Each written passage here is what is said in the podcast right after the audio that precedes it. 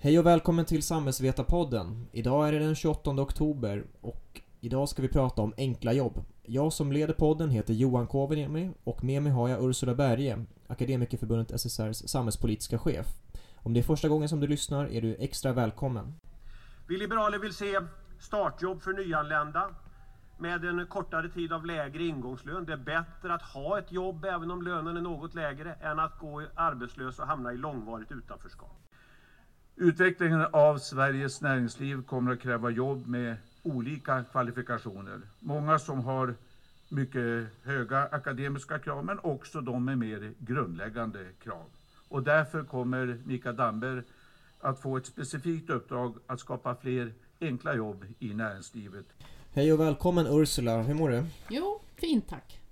Jag, jag tänkte egentligen börja med den ganska naturliga frågan varför ska vi prata om enkla jobb överhuvudtaget?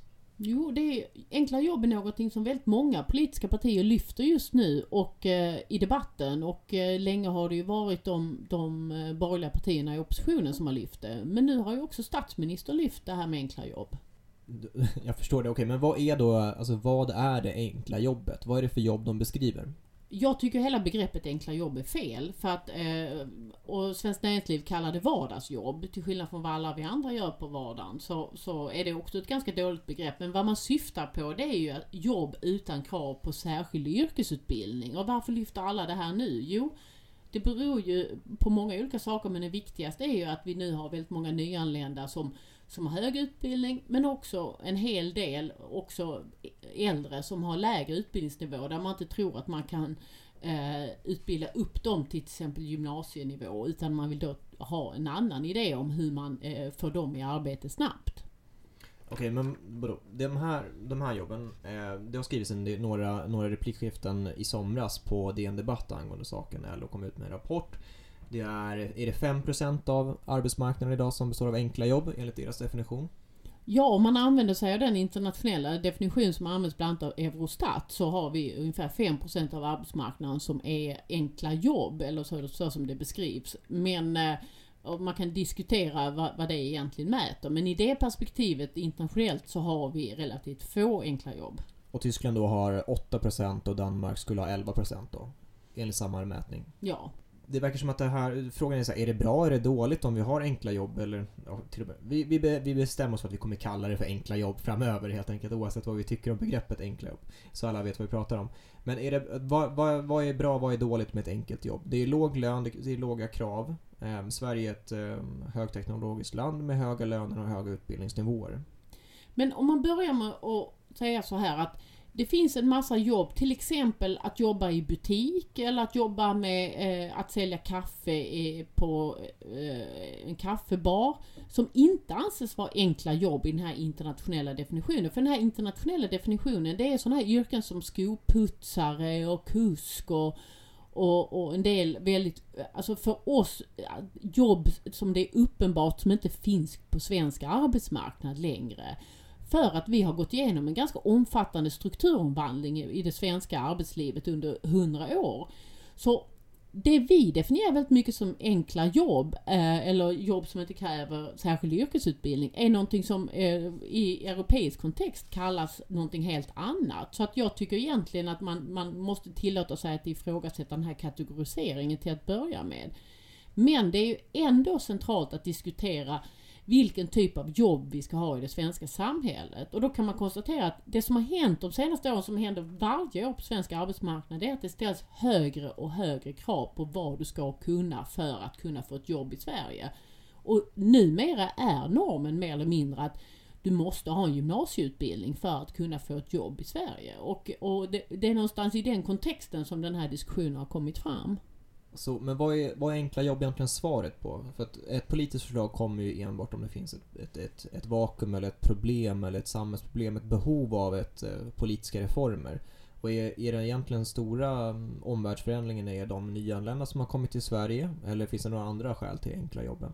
Jo men det är en omvärldsförändring men, men sedan kan man ju säga att Alltså, jag tror ärligt talat att om man ska fundera på vad, vad vi ska subventionera fram och använda skattepengar till det, i det här samhället så är jag inte övertygad om att det är genom att eh, få fram de minst kvalificerade yrkena som, som är det smartaste sättet att utbilda eh, och utveckla kunskapssverige. Det jag tror är ett mycket, mycket större problem, eller jag är övertygad om att mycket större problem, det är ju att vi har väldigt många människor som har eh, Eh, relativt hög utbildningsnivå som är inlåsta i enkla jobb och som skulle behöva eh, få möjlighet att komplettera och validera sin utbildning och komma i jobb som de är utbildade för och som de har yrkeserfarenhet i. Och detta rör ju i huvudsak personer som kommer från andra länder och utbildade i andra länder och som har varit här ett bra tag. Kan vi få bort dem från, från de här jobben som inte kräver yrkesutbildning så finns det jobb till de som nu kommer och som har väldigt låg utbildningsnivå. Men du menar att det finns en viss undanträngningseffekt då? Att de som har eh, högskole och universitetsutbildning arbetar med, en sån, med sådana jobb som kräver gymnasieutbildning eller motsvarande? Ja, eller ännu lägre utbildningskrav. Som, som kör buss eller som jobbar i hemtjänsten och som är eh, akademiker och som skulle kunna jobba inom alla de yrken som idag är bristyrken och där vi har väldigt stora vakanser. Men där vi inte har gett de här invandrarna på 90-talet till exempel eller senare möjligheten att faktiskt komma in och jobba med det de är utbildade för. Men det, det jag har svårt att förstå det är ju det är just den här strukturomvandlingen som vi har haft i Sverige. Att eh, arbetsmarknaden har blivit mer komplicerad eh, och den kräver högre utbildningsnivå och därför har vi också högre löner och högre välstånd egentligen hela tiden. Så varför ska vi då backa bandet? Mm, det är det jag också har svårt för och, och, och då, det, det som argumenteras för ofta i debatten nu det är att ja, men det kommer eh, medelålders personer som kanske inte ens har sex års grundskola. Det är för lång väg för de här personerna att komma eh, att utbilda så långt, så upp, långt upp i åldrarna att de kommer upp till en gymnasiekompetens. Och därför måste vi hitta en lösning för de här personerna. För och det är vi alla överens om att vi kan inte ha ett arbetsliv som bygger på att nyanlända inte kommer i jobb förrän kanske efter 8-10 år i landet. Det måste gå snabbare. Och hur gör vi det då för den här gruppen? Och, och som sagt, då tror inte jag lösningen är att vi ska eh, eh, toksubventionera fram enorma mängder med, med jobb som inte kräver särskild yrkesutbildning. Utan istället ska vi försöka Eh, så att säga, ge de människorna möjlighet som, som har så att säga fel jobb att få jobba med det de är utbildade för istället och gå uppåt i någon form av karriär. Men har inte du en lista också på vad, vad som vad definieras som enkla jobb eller vad är, vad är enkla jobben? Jo, om man tittar på den här internationella definitionen som, som Eurostat använder sig av så är ett axplock av sådana jobb, det är förutom då städare, så är det sådana här som toalettföreståndare som vi kanske inte tänker att det finns så många. Eh, hembiträde, eh, fönsterputsare, skoputsare, eh, bär och fruktplockare har vi ju i och för sig eh, drängar eh, som vi kanske inte känner att vi har så mycket av idag eh, lådspikare, handpackare på lager, kusk. Det, alltså, det, det hörs ganska snabbt att det är ganska många yrken som piccolo till exempel och garderobiär. Det, det, det hörs på långt håll att det här är yrken som, som vi på olika sätt har rationaliserat bort och digitaliserat bort och automatiserat bort för rätt länge sedan och då är det ju lite svårt att tänka sig att man ska backa bandet och, och låta de här robotarna som sköter helt digitaliserade och automatiserade lager eh, stå och damma till förmån för att man ska lyfta in eh, anställa människor och jobba på lagret igen. Vi måste vara smartare än så. Men vad säger du åt det argumentet då? Att det är, det är bättre att ta ett jobb till, till en lägre lön än att, äh, än att ta ekonomiskt bistånd på något sätt? Att få bidrag? Jo men det är ju sant, men det är ju inte mellan de två alternativen det behöver stå. Utan det kan stå mellan att du faktiskt eh, ger reella chanser för människor som, som eh, kommer till vårt land att eh, eh snabbare komma in i det jobb man är utbildad för. Och, och, så, och då kommer det att finnas tillräckligt mycket jobb som inte kräver yrkesutbildning för den gruppen som, som kommer hit. Så att det eh, är, det är en otroligt underlig föreställning om kunskapssverige att vi aktivt ska arbeta för lägre eh, krav på svensk arbetsmarknad och inte högre.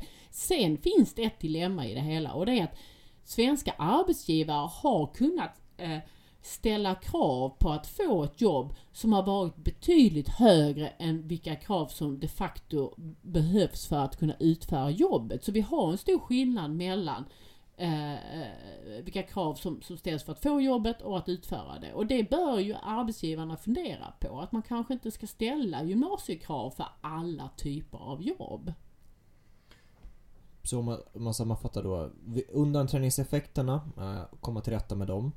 Eh, ändra på kravställningen på vissa andra typer av anställningar. Men kommer det lösa hela bilden då? Är det, kommer inte andelen så kallade enkla jobb ändå behöva öka i relation till, till arbetsstyrkan?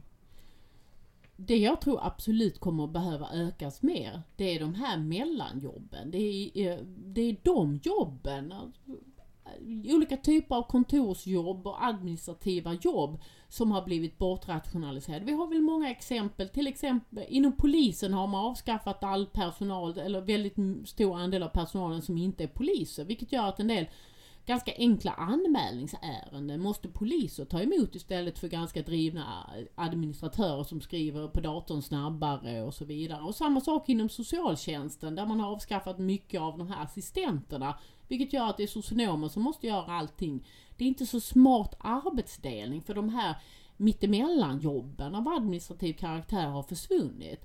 Det, det är en mycket tydligare trend och det är någonting som, som är en mycket viktigare uppgift än att jobba fram skoputsarjobb igen. Men beskriver du den politiska skalan då från, från höger till vänster. Var, var placerar sig partierna? Vad är det för typ av förslag de vill se? För du sa att det är allt ifrån liberala, konservativa till socialdemokratin eh, har anammat begreppet enkla jobb. Och att, eh, men då kanske förslagen ser lite olika ut för vilka typer av åtgärder som behövs från politiken.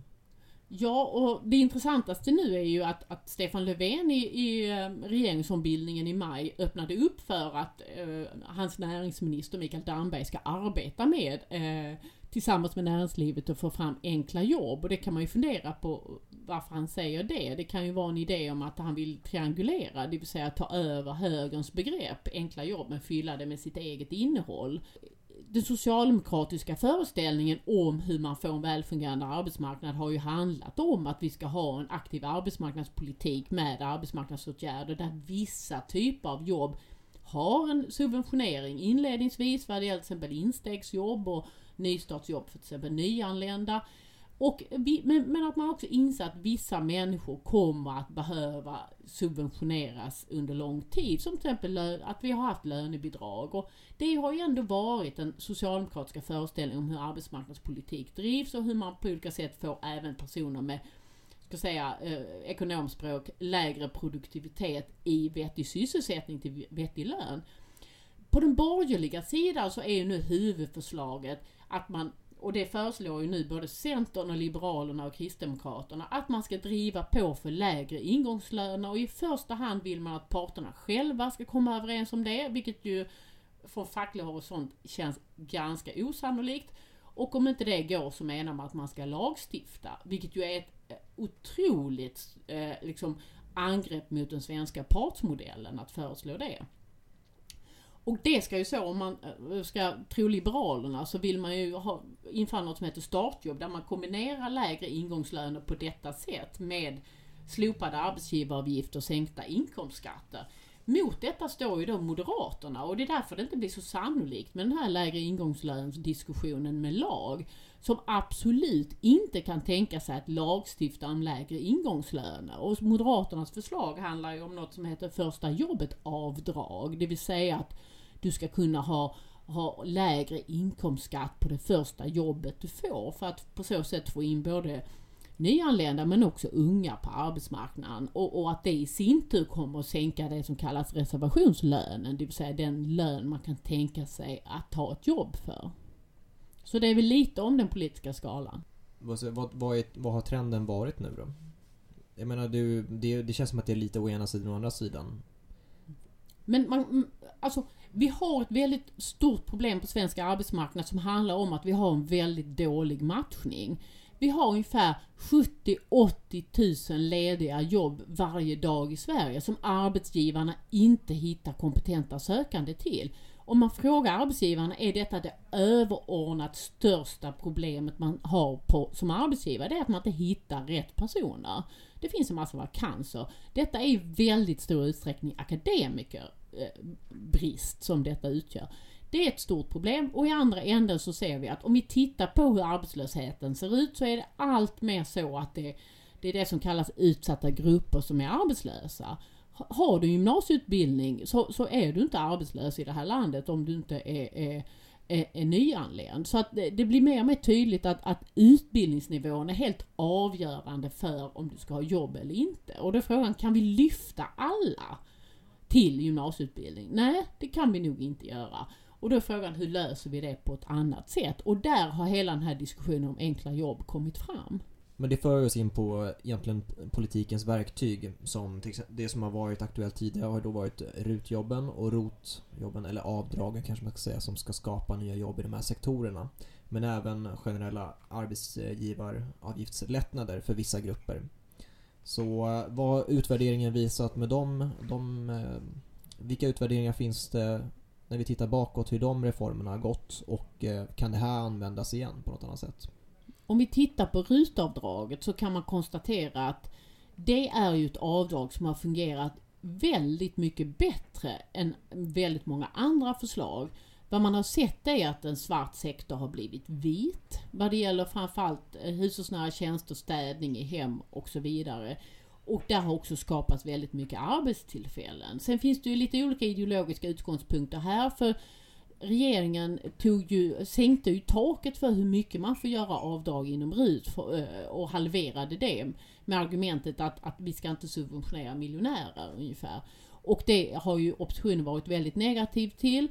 Regeringen har ju då kompletterat detta med att vidga vilka typer av tjänster som man kan göra rutavdrag för till att även innefatta flytthjälp och trädgårdshjälp och IT och, och vitvarureparationer och så vidare.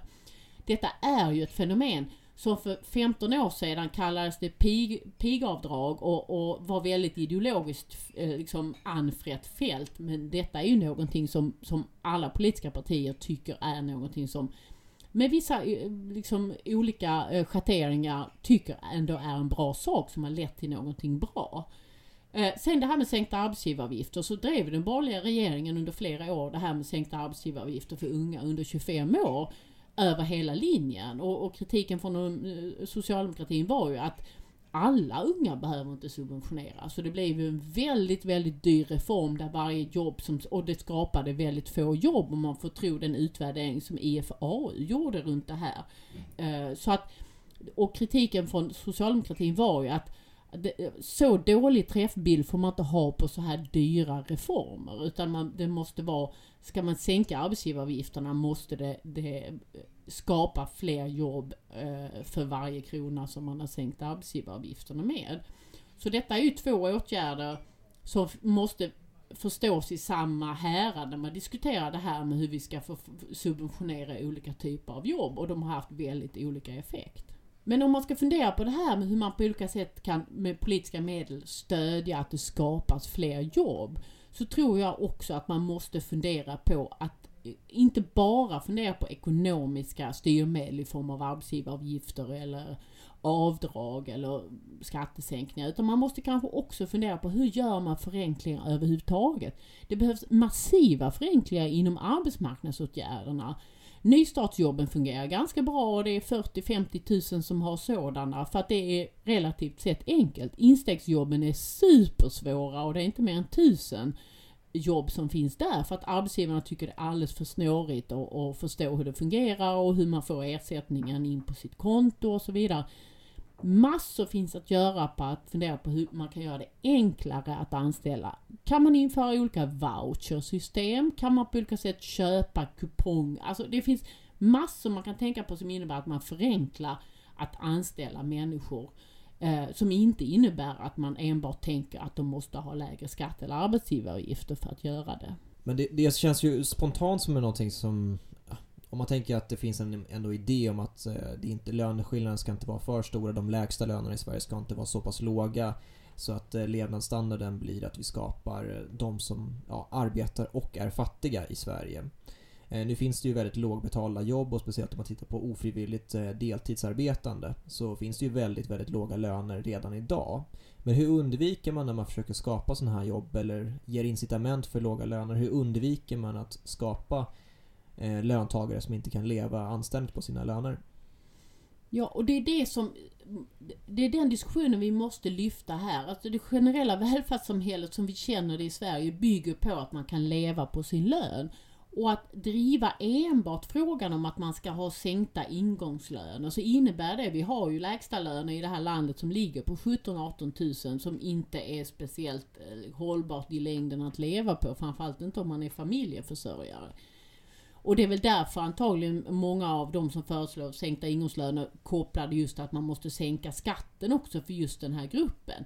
Men det är helt avgörande att resonera utifrån att vi kan inte arbeta för en tendens på svensk arbetsmarknad som innebär för det första att vi blir mindre och mindre kvalificerade på arbetsmarknaden och för det andra att, att vi inte kan leva på våra löner och att vi skapa någon eh, fenomen som i USA kallas working poor. Att du måste ha minst två eller tre jobb för att kunna leva eh, och betala dina utgifter varje månad. Och det, det är en diskussion som jag tycker är väldigt viktig att ta i det här sammanhanget. Sen, sen för att avrunda kan man ju säga att det, det, det är centralt att vi på olika sätt ändrar svensk arbetsmarknad så att den bättre kan, kan erbjuda jobb och att man kan hitta jobb oavsett vilken utbildningsnivå man har. Men vi kan inte gå vägen mot att folk inte kan leva på sin lön och att, att eh, vi ska ha mindre och mindre kvalifikationer.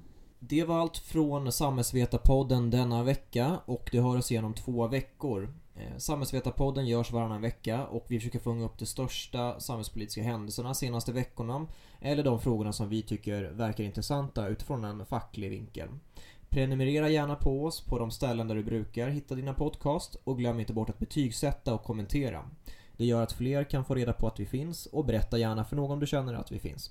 Samhällsvetarpodden görs av Akademikerförbundet SSR, det ledande samhällsvetarförbundet. Och jag som leder programmet heter Johan Kovaniemi. På återhörande.